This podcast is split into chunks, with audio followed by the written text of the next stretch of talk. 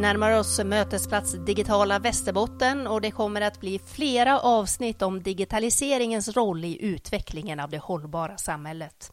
Idag ska vi prata om jämlik och nära vård som i mångt och mycket är beroende av just digitalisering.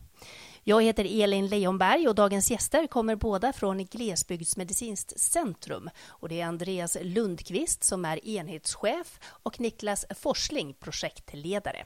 Varmt välkomna till Regionpodden. Tack så mycket. Mm. Tackar. Kul att ha er här. Eh, ni jobbar på Glesbygdsmedicinskt centrum. Om vi börjar med att ni ska få berätta, vad är det för någonting? Vad jobbar ni med?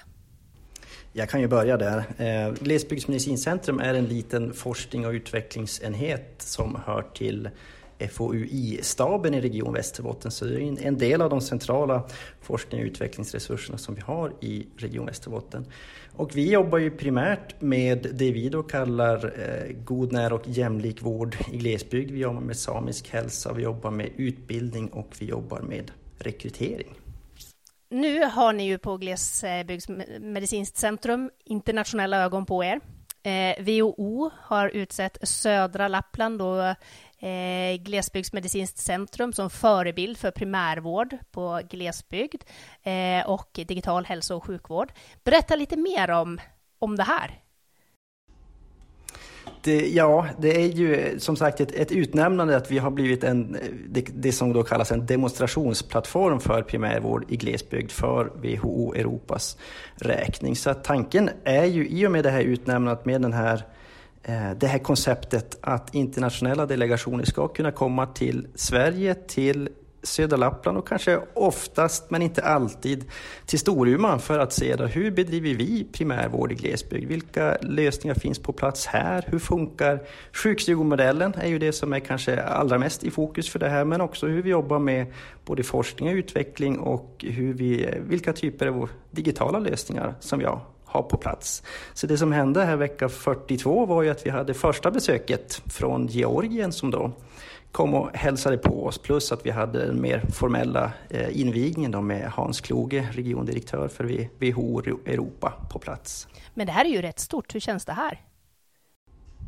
Det är fantastiskt roligt. Det är ju ett enormt erkännande, en stor, man får väl ändå säga det, en fjäder i hatten förstås för det arbete som vi bedriver, men också ett stor, får man ju också säga, en stor eh, kvalitetsstämpel och ett erkännande för sjukstugan som, som vårdmodell och för det arbete som, som bedrivs i Region Västerbotten och inte minst då, som sagt i södra Lappland med, med sjukstugan som, som, eh, som bas. Mm.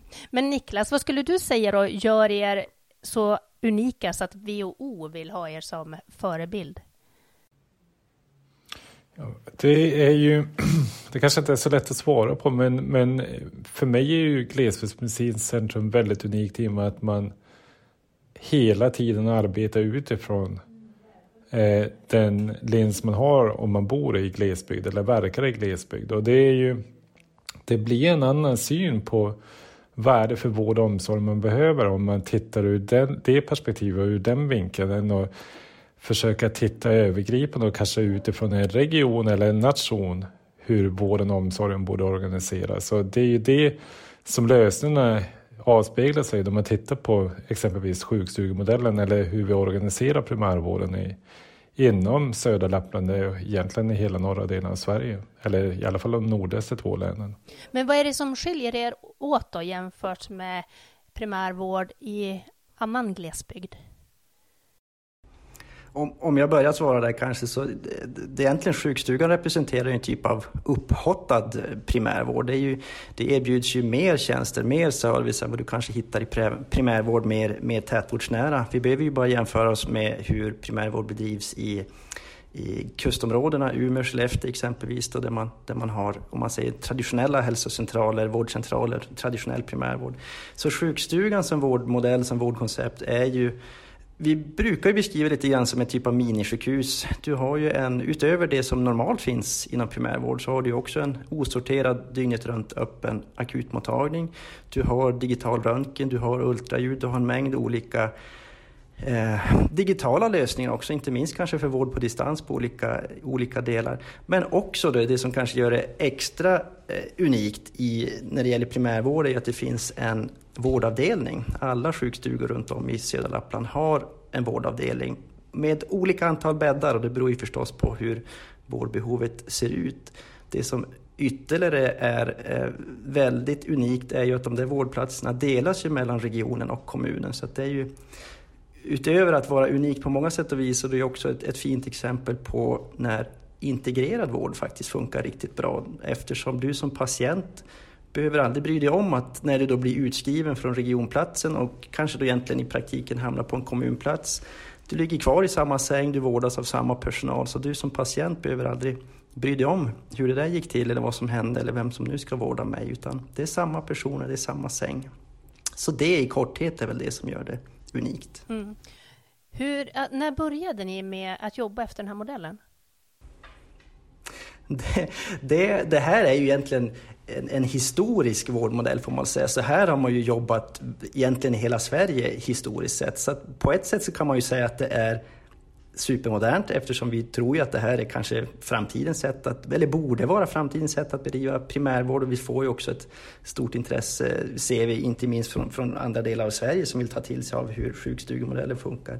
Men det är ju, det, det jag var inne på här till en början, är ju att så här jobbade, så här såg ju, sjuk, så här såg ju primärvård ut i större delen av Sverige ut förut, innan man centraliserade till, till eh, de stora sjukhusen och började satsa på på, på väldigt stora sjukhus, stora vårdkolosser på så sätt. Så det är ju både ett exempel på någonting som är väldigt nytt men också någonting som är rätt gammalt. Mm. Och nu ska ni få, ni har redan haft ett, men ni ska få fler förmodligen, studiebesök, internationella studiebesök. Vad ska, de lä- vad ska, vad ska ni lära dem? Ja, vad vi ska lära dem, det är ju dels, det är ju som sagt att se då hur vi bedriver primärvård i glesbygd som väl kanske Eh, är det som är paradnumret i, i detta. Alltså att, att, helt enkelt visa dem hur en sjukstuga fungerar, vilka servicemodeller som är på plats, hur, hur man jobbar, hur, hur läkares och sjuksköterskors och andra vård, vårdpersonalkategoriers eh, arbeten ser ut och fungerar i Sverige. För det har vi ju redan insett att, att Eh, man har ganska, eller inte ganska, man har ett mycket stort ansvar och kanske även större ansvar, både som läkare och, och sjuksköterska och alla andra vårdpersonalkategorier också på en sjukstuga jämfört om du eh, jobbar i närheten av det stora fina sjukhuset där du kanske hela tiden hänvisar dina, dina patienter dit. Här får ju personalen ta hand om, om alla patienter. Så att det är ju på något sätt eh, det stora, det viktiga. Sen vill vi gärna visa på samverkan med kommunerna, hur det funkar. Det är också ganska eh, väl etablerat i små kommuner och det är lite grann en överlevnadsfråga, det måste funka. Eh, vi vill ju också visa upp hur vi jobbar med forskning och utveckling i glesbygd. Som Niklas nämner så är det ju ganska eh, unikt också att faktiskt ha en FoU-enhet som faktiskt är baserad i glesbygd. Vi ser det ju som en trovärdighetsfråga att ska man nu beforska och utveckla för glesbygd, då ska man finnas i glesbygd också. Då ska man på något sätt, som Niklas nämnde, ha den linsen på sig. Och vi, vi finns här, vi lever här, vi, vi vet liksom, vi känner till kontexten, vi känner människorna. Så att för oss är det en, en trovärdighetsfråga och det är ju också någonting som vi vill, vill visa upp förstås i besöket med, med de internationella delegationerna. Mm. Niklas, hur skulle du beskriva de eh, utmaningar som finns i att bedriva sjukvård i glesbygd? Ja, men jag kan bara först fylla på lite grann vad Andreas nämnde. Jag tror också en viktig sak kring de man bedriver vård i, i glesbygd och det är också då kopplat till de utmaningar som, som du är inne på. Det är ju att avstånden är ju självklart mycket, mycket längre. Och människor lever mer isolerat. Det kan vara, kan vara långt till närmaste granne. Eh, och det kan också vara så att familjen är utflyttad. Man kanske lever utan de närmaste familjemedlemmarna överhuvudtaget i närheten av den kommunkrans som är runt sin egen kommun. Så man lever isolerat och man har ett, man har ett, ett liv som är inrättat annorlunda. Och med det sagt så kanske man också är, beredd att acceptera kanske andra lösningar för att kunna få den service man behöver. Och, och då vill jag också nämna i det här med sjukstugemodellen att vi har ju Eh, om man tar sjukstugan i, i Storuman så har ju de över de senaste 25 åren använt i viss mån olika typer av distanslösningar för vård. Eh, och ibland uppkopplad mot mera specialistsjukhus och specialistavdelningar och andra mer lokala närliggande sjukhus. Så att det, det här avståndet är ju på många sätt inte bara ett avstånd i kilometer, det är också avstånd i tid, men det är också ett, en, en, en, en grad av isolering man lever i och det gör ju att människors trygghet måste man skapa på annat sätt än bara att kunna komma, åka in till en vårdcentral. Då det kan vara en dagsutflykt emellanåt. Mm. Men du nämnde här eh, det digitala. Om man ser till den digitala hälso och sjukvården, alltså vad är det? Har du några konkreta exempel på eh, vad som ingår där? Nej, men det, ja, men det, det, alltså, de flesta känner ju mycket väl till nu efter pandemin att eh, Helt plötsligt så exploderade antalet erbjudanden om olika typer av vårdmöten. Det är väl kanske den enklaste digitala formen av ett av, ett, eh, av hälso och sjukvård på distans, det vill säga att du håller ett vårdmöte med din primärvårdsläkare eller annan läkare på distans, att du kan stanna hemma. Och, men sen så finns det ju alla möjligheter att gå vidare från det och utveckla det ännu mer och tänka sig att man automatiserar vården till viss del. Alltså vi ser ju att det kommer fler och fler sådana här medicindispensrar som man använder, det vill säga att man inte behöver åka ut med medicin till medborgarna varje dag eller kanske tre gånger om dagen utan att man har en slags medicinrobot hemma som man fyller kanske för de närmaste 48 medicineringarna. Och den, eh, och den roboten ger ut den medicin man ska ha vid ett specifikt tillfälle. Vilket gör ju också att kanske man inte glömmer det på samma sätt för det då finns möjlighet att bli påmind om det på, på, genom olika typer utav signaler som kan, man kan ge medborgarna. Och att det sparar tid och resurser för Ja, det är, det är en samverkan mellan kommun och, och primärvården. Då, eh, att man inte behöver åka ut till patienter tre gånger om dagen. Ehm, och samtidigt igen så ska man veta det att då kanske isoleringen upplevs ännu mer för det kommer inte någon tre gånger om dagen. Så det, det är en balans i allt det här. Men, men eh, den stora kostnadsdrivaren inom vården och speciellt då vi har en sån extremt eh, mycket äldre befolkning än vad man har i städer. Det är ju ofta så att man ju äldre vi blir ju fler olika typer, eh, olika typer av kroniska sjukdomar får vi ju. Ibland blir man ju också, eller ofta så leder det ju till att man blir multisjuk också. Och I det sammanhanget, speciellt mot kroniska sjukdomar, så finns det många typer av verktyg som gör att du kan monitorera det från ditt eget hem. Och du kan få en inblick i vad din hälsostatus är och därigenom skapa en trygghet för dig som medborgare. Och att hitta då servicemodeller där man kan använda dagens teknik till att försöka skapa ett, ett mer eh, ett, ett liv där, där medborgarna är bättre informerade om vad sin hälsostatus är så att de kan göra mer saker. Det är ju det, är det vi ska använda tekniken till i det fall det passar och i det fall, det, i det fall där, där, det, där medborgarna vill det eller önskar det. Det, det viktiga är dock att det alternativ som finns idag, det mer analoga alternativet att åka in till en vårdcentral eller ett sjukhus, det ska finnas kvar. Så de gamla vägarna ska finnas kvar men man ska skapa andra servicemodeller för de som önskar ta hand om, om sig själv i en högre grad helt enkelt. Mm. Men hur tas det här emot då bland invånarna? Jag tänker exempelvis äldre eh, när mer digitaliseras runt omkring dem. Ja, men jag kan väl ta lite grann här, för vi har ju tittat på det här, vi har ju tittat på det här ur en nordisk nivå. Vi har kartlagt alla lösningar som finns i Norden för distansvård. Men då har vi också valt att titta ur ett patientperspektiv. Vad, vad säger patienterna som... Om man, då har vi tittat på de mest eh, digitaliserade eh, eller ja, transformerade digitala regionerna som finns kring hälso och sjukvård i Norden.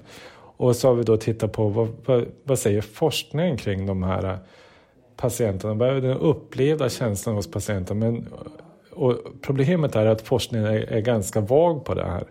Det vill säga att studierna är en ganska liten population, antalet användare är ganska små och man kan ju ifrågasätta om de här användarna också är lite eh, ska jag säga, är lite påverkade att de vill pröva det här och tycker det här är bra för att det är spännande.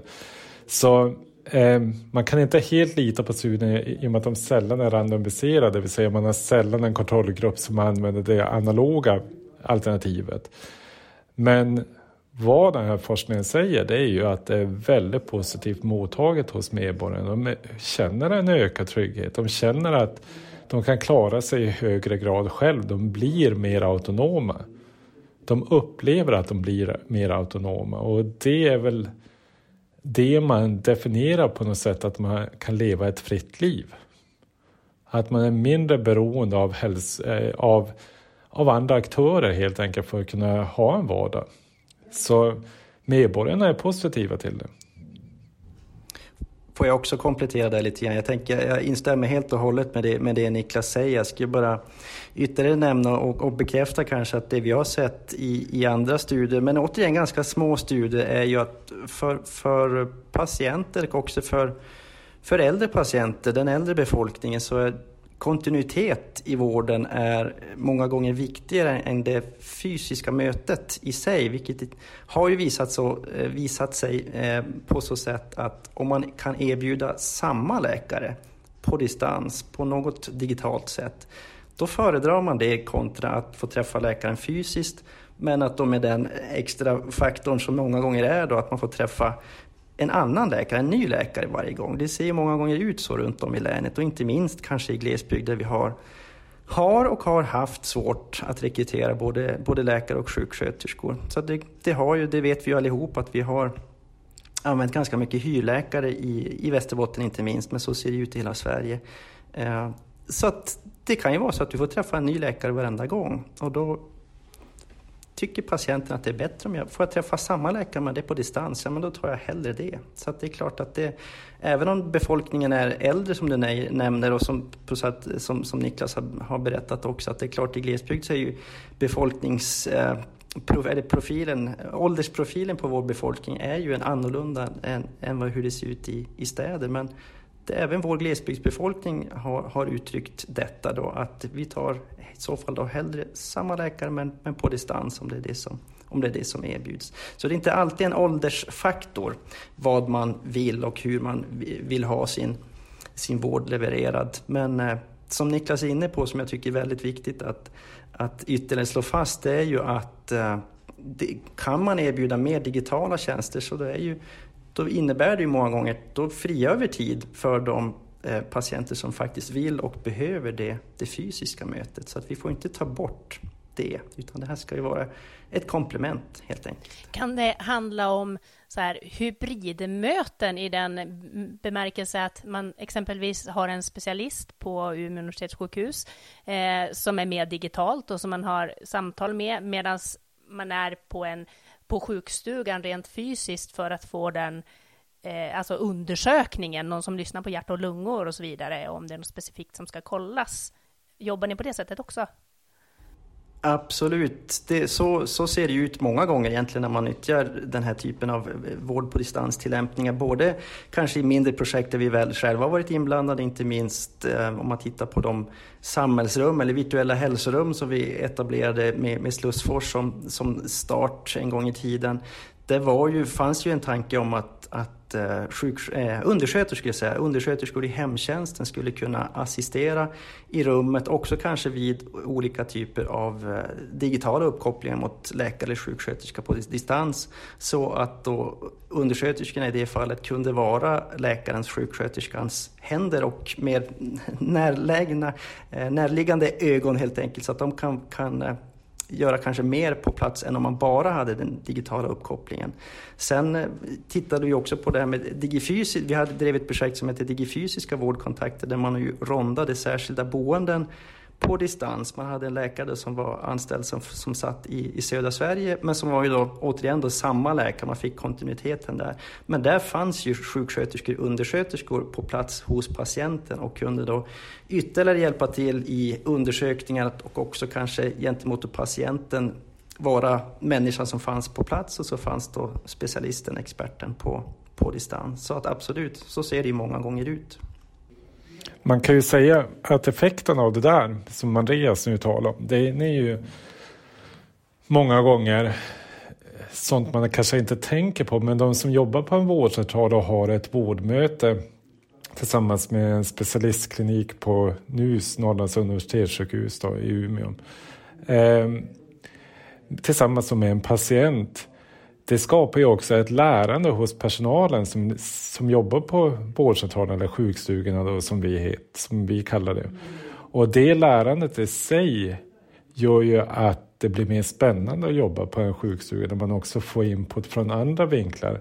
Samtidigt är det ju väldigt tidsbesparande för den här patienten. För det, i realiteten kan det ju se ut så. Det här är ju ingen, det är ju ingen nidbild vi, vis, eller vi vill måla upp men om du har ett vårdmöte med en specialistavdelning vid Norrlands universitetssjukhus och du bor i Hemavan så är det ju tre och en halv, fyra timmar att köra dit. Um, och det mötet kanske är nio på morgonen och då ska du åka kvällen innan, sova på hotell, ta ett möte. Mötet varar 10 till 15 minuter. Sen ska du köra hem. Och för det första är de här äldre patienterna ganska trötta när de kommer och sover på hotell. Det är inte säkert att de uppfattar allt vad den här specialisten säger till dem. Och ur den synvinkeln är det jättebra att ha en annan person vid sidan av som då kan förklara vad var det man sa här egentligen då man då har avslutat mötet så att det är flera som minns vad som var sagt. Och sen ska de då åka hem så det har tagit kanske ett, mer än ett dygn av att ha det här mötet på tio minuter. Så det är klart vi skapar ju en, en annan en annan världsordning och ett annat erbjudande till medborgare som, som tycker att det här är det alternativ man föredrar om vi nu kan få det här att fungera fullt ut inom vården hälso och sjukvården. För några år sedan eh, så hade vi en stor publikdebatt och diskussion kring Eh, 5Gs möjligheter inom sjukvården och att genomföra sjukvård på distans. Den, jag gissar att den här diskussionen säkert är mer aktuell fortfarande hos er. Men hur ser ni på, alltså händer det någonting där med utvecklingen av 5G och möjligheterna i att eh, bedriva ytterligare typer av digital vård? Ja, 5G, nu, nu är jag inte en tekniker här, men 5G innebär ju i princip att man kan dela upp Eh, den, bandbredd man har för telefon, eh, alltså eh, datakommunikation då, i olika typer utav spår. Och de här tunnlarna som man delar upp det i, de kan man, kan man göra eh, specifik för vården exempelvis. Så du kan få ett, en mer säker kommunikation kring vårdmöten och vårdinsatser. Ehm, eh, och det här kanske är jätteviktigt i framtiden då vi kan se fler olika typer utav eh, vad ska jag säga, att utrustning utvecklas för mer avancerad exempelvis hemsjukvård. Ehm, så att man har en bättre kontroll över att apparaturen fungerar på distans så att man har en helt annan möjlighet att bedriva mer avancerad eh, sjukvård i egna hem. Och det ser vi ju då vi tittar på de regioner som vi har studerat då runt om i Norden. De regioner som, når läng som ligger längst fram, deras första alternativ är alltid vård från eget hem. Och det är ju som vi är inne på här, det är för att medborgaren helst vill ha möjligheten att få vården nära sig. Och det kan sällan bli närmare om, man, om du kan få det från eget hem. Och det andra är ju att det skapar den här tryggheten för medborgarna och att eh, det blir mer effektivt. Och vi ser också en stor miljöpåverkan på det och en positivt miljöbidrag i det. Det vill säga att du behöver inte resa till vård och omsorgsinstitutioner runt om i länet. Utan du kan vara i ditt egna hem och, och få den vård du behöver. Och den, den tredje miljö, den andra miljöpåverkan som du kanske inte tänker på det är ju att om vård och omsorgen kan flytta till högre grad ut i egna hem så innebär det ju att du behöver inte lika stora anläggningstillgångar. Du behöver kanske inte ett jättestort sjukhus. Du kanske kan minska sjukhusens dimension och på så sätt så kan vi ju skapa mer anpassade miljöer för den digitala framtida hälso och sjukvården. Och det har ju också en jättestort klimat, positiv klimatpåverkan. Så det är svårt att inte gå åt det här hållet. Och det ser vi att alla regioner går som är, ligger främst och ligger i förkanten. Men det här med att genomföra kirurgi digitalt då, där kirurgen sitter på ett annat ställe? Ja, det, det måste du fråga kirurgen om, om det är en möjlighet. Det, det, är lite inte... kanske utanför, utanför vårt eh, fokusområde, men, men det gör man ju redan nu. Det är redan när jag eh, studerade på universitet för, för eh, avslöjar man ju gammal men för, för över 20 år sedan, så det, det, eller det fanns ju redan då. Så det där är ju Absolut, tekniken finns och det kommer ju bara bli mer och mer utvecklat. Så är det. Det kanske landar på Storumans eh, sjukstuga så småningom då? Kanske, vem vet. Det vi, det vi brukar prata om och det jag tror är en absolut realitet, det är väl att vi kommer att se en en eh, teknikförskjutning. Eh, och det har delvis redan varit inne på att det som kanske idag görs i, på stora fina sjukhusen och det du nämnde med kirurgi, även det finns ju förstås, givetvis, jag vill inte trampa någon på tårna, så är det förstås så att det, det ställer väldigt höga krav på, på allting runt omkring också. Men saker och ting som sker på stora sjukhusen idag, det kanske i framtiden då sker, eller så ser det ut redan nu, att man flyttar ut mer i primärvård. Och det som i dagsläget kanske sker mycket i primärvård, ja men det kan vi flytta till antingen någon typ av intermediär nivå som då exempelvis våra samhällsrum skulle kunna vara eller mest troligt hela vägen ut i patienternas hem. Så att visst kommer vi se en förskjutning av teknik, vad som används på vilken plats, vilka, hur, hur avancerade ingrepp och åtgärder man kan göra på respektive nivå. Och förstås, jag är helt enig med Niklas här att ju närmare hemmet vi kan komma i detta, desto, desto bättre. Och det tror jag också att många av våra patienter, våra medborgare uppskattar. Inte minst glesbygdsbefolkningen då, som har väldigt långt till i stort sett allting.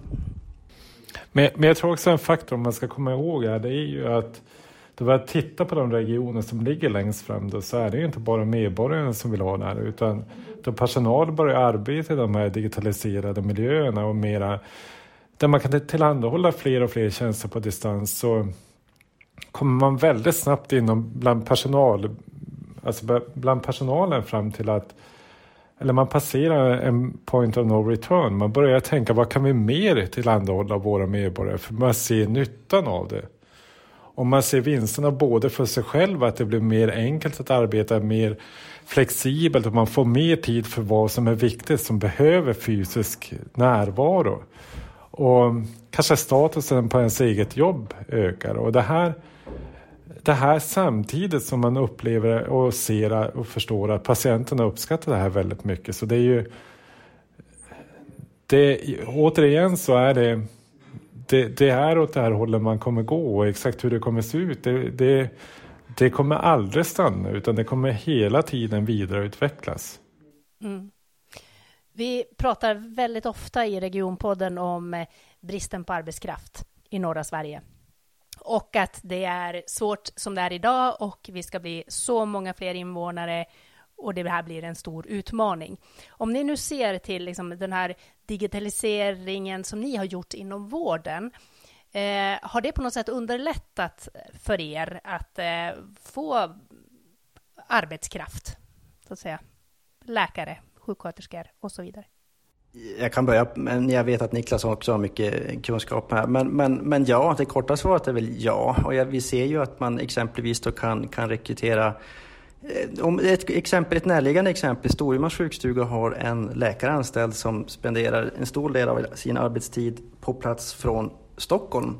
Och det hade ju förstås inte gått om det inte hade funnits då digitala verktyg och möjligheten att koppla upp digitalt. Så, så absolut, visst, visst har det visst har det effekter. Och det var ju ett litet närliggande exempel, men att Niklas kanske har mer exempel också ur ett nordiskt perspektiv. Nej men, nej, men om vi tar det också ur lokala perspektiv, så du nämnde ju det här med, med ronden på särskilda boenden, mm. där vi har en läkare som då tidigare varit i Stockholm, men nu vet jag inte riktigt vem det är. Men att, att det är ju som Andreas sa tidigare att man föredrar kontinuitet före för att möta en ny läkare fysiskt, kanske varannan, var tredje gång. Så, så det finns ett stort värde i det här. Det, det, det, ska, man, det, det ska man veta. Um, ja. Jag tror ju också att man kan tänka utifrån liksom vårdpersonalens perspektiv att det öppnar ju upp en, en flexibilitet för dem att, att kanske, återigen då som vi har varit inne på redan, att, att det finns ju en möjlighet att eh, kanske ja, men bo på ett ställe och jobba på ett annat om det, om det är det upplägget man vill ha helt enkelt. Så jag, tror, jag tror absolut att digitaliseringen har och har haft och kommer att ha positiva, positiv inverkan på, på eh, personalförsörjningen. Med det sagt så självklart måste man ju förstås ha personal på plats också. Vi har ju redan varit inne på det att vi ska inte på något sätt försöka effektivisera bort våra sjukstugor eller liksom lägga ner hälsocentraler utan det måste ju finnas lokala alternativ. Men, men även för dem så erbjuds ju då möjligheter att kanske kunna erbjuda mer tid till, till sina patienter. Det har vi också sett, återigen då kanske lokala exempel här från södra Lappland och Storuman där vi har haft KBT sjuksköterskor och dietister som har fått spela ganska mycket del, stor del av sin arbetstid i bil. Suttit och kört runt till patienter för att möta upp dem. Och när man går över till ett digitalt eh, arbetssätt där man kan kanske då träffas fysiskt till att börja med för att etablera en kontakt men sen tar alla uppföljningsmöten digitalt du får ju mycket mer tid för patienten och jag tror att du som personal tycker att det är roligare att faktiskt få träffa och behandla patienter snarare än att sitta och köra bil med de dessutom de miljöeffekter och säkerhetsaspekter som det då innebär att spendera stor del, stor del av sin arbetstid eh, i bil, inte minst på kanske knaggliga inlandsvägar här, inlandsvägar här i, i södra Lappland. Om du, om du tänker rekrytering som att det ska vara fysiskt närvarande personal så är det ju inte kanske nödvändigtvis så att eh, digitaliseringen hjälper på, till på det sättet men den skapar ju, ökar ju möjligheten att tillhandahålla fler tjänster för våra medborgare och kanske och åtminstone upprätthålla det, det, det, det servicemodell vi har idag. Och nu bor ju du också i Västerbotten här och om man tar norra delen av Västerbotten och Norrbotten där vi gör en jättestor eh, transformation av, av industrin till en grön industri där vi ska ha 100 000 människor som kommer flytta de närmaste tio åren. Då kan man ju undra sig, fråga sig hur, kommer, hur ska vi kunna tillhandahålla vård och omsorgstjänster i, i ett sådant kontext där vi ser redan idag att en viss kannibalism på, på arbetskraft där eh, gruvbolag helt enkelt rekryterar sjuksköterskor och eh, lärare så att man måste stänga skolor och vårdavdelningar. Och det, då tänker man ju, hur tänker man nu då? Eh, då, då det sker och det, vi har precis börjat den här transformationen. Så jag tror att, att ett digitalt spår måste vara en del av framtidens lösning. Och sen tror jag också att som Andreas är inne på att eh, det, det är ju så att vården har ofta inrättat sig, både primärvård och all annan vård, har ofta tänkt tanken att man är fysiskt närvarande. Men det gör ju då att man kan rekrytera människor till det yrket som önskar den fysiska kontakten. Det finns kanske jättemånga som vill jobba med vården och omsorgen på, med, med, med helt andra metoder. Så att rekryteringsbasen om man tänker av unga som ska börja jobba med vård och omsorg, den kan ju bli helt annorlunda. Om man, börjar, om man vågar inrätta arbetsmodellerna hos sjuksugare, inom sjuksugare och inom sjukhusen så att det finns också möjlighet att jobba på distans. Så det här är ju det här är en, en större fråga än bara hälso och sjukvården. Det är också ska jag säga, arbetsmiljöaspekterna som kommer in i det. Och, och att man kanske har en snäv syn på hur, hur arbetet ser ut inom hälso och sjukvården. Mm. Jag tänker att vi ska hinna prata om också, du nämnde här innan Niklas, eh, att du jobbar mycket med vad som händer med vår eh, hälsodata eh, när den hamnar i molnet och så vidare. Eh, var det ett EU-direktiv som ligger bakom det här eller var det, det var Ja. ja. ja men det, det, är så här att från Glesbygdsmedicincentrum så har vi ju jobbat på nordisk nivå och, eh, åt svenska regeringen då främst för att titta på vård och omsorgstjänster på distans. Och en hämmande faktor för att kunna föra ut fler eh, vård och omsorgstjänster på distans det är ju att så fort du börjar tillhandahålla eh, vård på distans så genererar patienterna massor med hälsodata. Och det här hälsodatat om det är utrustning som vårdgivaren har ställt ut till patienten så är egentligen vårdgivaren ansvarig att agera på det hälsodatat även om det inte sänds in till vårdgivaren. Så det här är ju en problematik i sig men man måste då hitta sätt att försöka hantera den frågan. Och inom Europeiska kommissionen så har man nu satsat på, eller den största satsningen man kanske någonsin har gjort så är det ju att man bygger det europeiska hälsodataområdet som det heter, eller European Health Data Space. Och i det sammanhanget så tydliggör man ju att hälsodata det är individens data. Så även om vi som vård eller omsorgsgivare mäter, mäter skapar hälsodatat på individen så är rätten till det hälsodatat det är individens. Sen har en vård och omsorgsgivare en lagstadgad rätt att, att också använda det hälsodatat för det vård eller omsorgssyfte man är i. Och vad vi vill försöka skapa det är möjligheten att knyta då hälsodata, tillgängliggöra hälsodata till individen. Men utan att flytta hälsodata till individen. Hälsodata kommer alltid vara vart det har blivit fött, det vill säga det kommer ligga i det datalager där det ligger.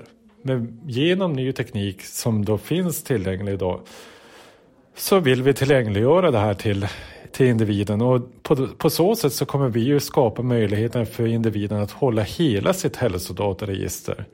Och till, till en viss del kanske det ligger inom hälso och sjukvården.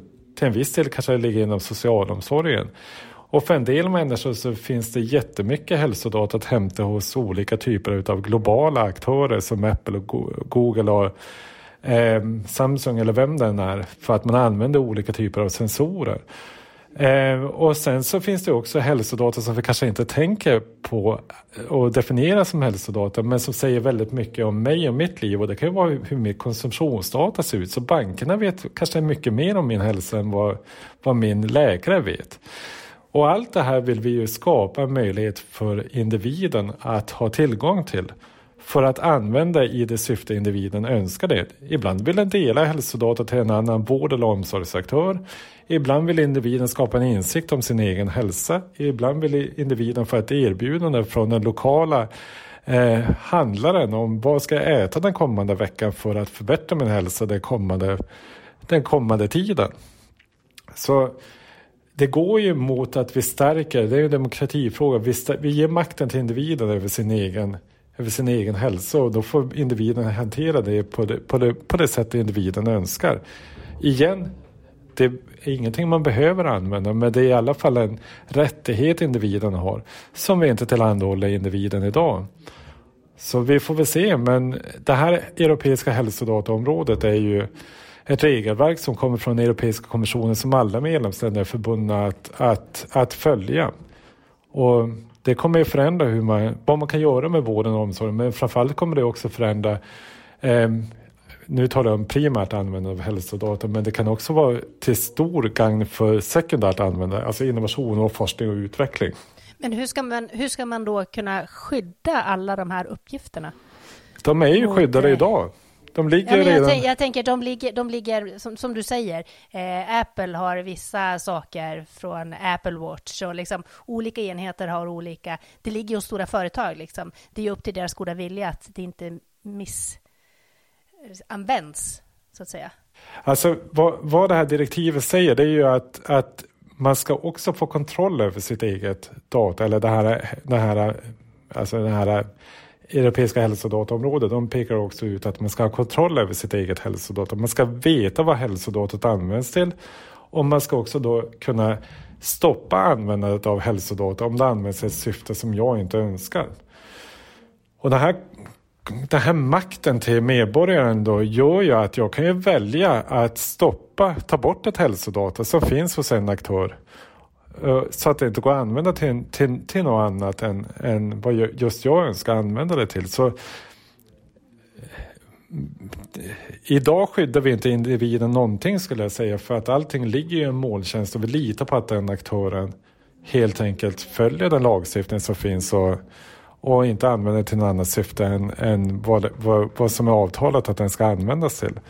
Men själva säkerheten förändras ju inte om man tänker in, alltså att kunna på något sätt förstöra det hälsodatat eller ändra det hälsodatat för det ligger på den samma plats som det alltid har legat. Så vi flyttar aldrig några hälsodata, vi bara tillgängliggör det med det här systemet. Hörrni, tiden går fort, men jag tänker att vi också måste kolla vad ni har för utmaningar framgent. Eller känner ni att eh, ni har den perfekta modellen och nu är ni färdiga? Andreas?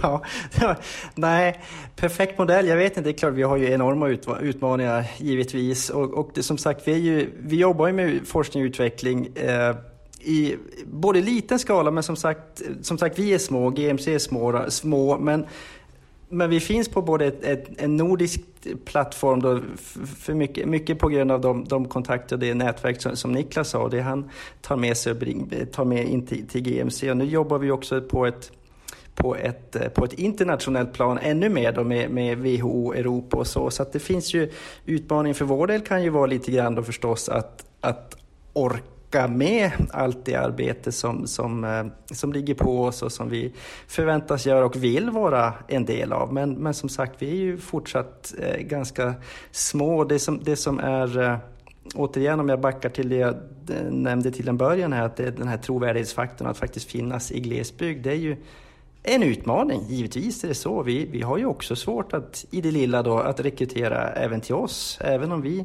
tycker oss vara och är en attraktiv arbetsgivare och spännande arbetsplats. Så det är klart att det, det är ju en utmaning för oss att hitta kompetent personal som, som finns i glesbygd och som vill jobba med den här typen av, av, av frågor. Jag skulle väl säga att lyckligtvis är ju det mesta ogjort och det betyder ju att eh, en att börja gå en sån här väg, den stoppar ju aldrig. Det är ju det är evolutionärt. Ehm, det kommer ske utveckling som vi inte kan förutse och eh, det kommer komma hinder på vägen som vi kommer tycka är oövervinnliga. Och, men, men, men vad vi ser är ju också att det är fler och fler som börjar tänka med det här, med det här eh, hur ska säga, visionen i sikte av att öka tillgängligheten av vård och omsorg för medborgarna. Och jag tror att vi kommer se i framtiden att vi kommer få en ökad grad av automatiserade vård, hälso och sjukvårdstjänster. Det vill säga vi kommer, ja, du nämnde det tidigare med 5G vi kommer, eh, och annan teknik men också till nuvarande tjänster kommer göra att medborgarna i ökad grad kommer kunna ta hand om sig själv. Och människor som kan ta hand om sig själv är ju per definition inte sjuk. De är ju helt plötsligt frisk. Så från att ha gått från att ha en diagnos så är man en frisk människa med en diagnos. Och det tror jag är ett viktigt steg att förstå. Att, att vi kommer öka frihetsgraden för människor med olika typer av kanske, kanske kroniska lidelser. Och det är ju det som är den övergripande målsättningen för tror jag, de flesta som jobbar inom hälso och sjukvård. Det låter jättespännande och det ska bli kul att följa det här och se vart det landar någonstans och vad som händer med alla som, om det får spridning ut i världen så att säga, eh, genom arbetet med WHO. Hörrni, stort tack för att ni var med i Regionpodden. Tack så mycket. Mm. Tusen tack. Vi fortsätter att prata digitalisering i nästa avsnitt av Regionpodden och då ska vi prata digitalt ledarskap. Missa inte det, vi hörs igen om två veckor.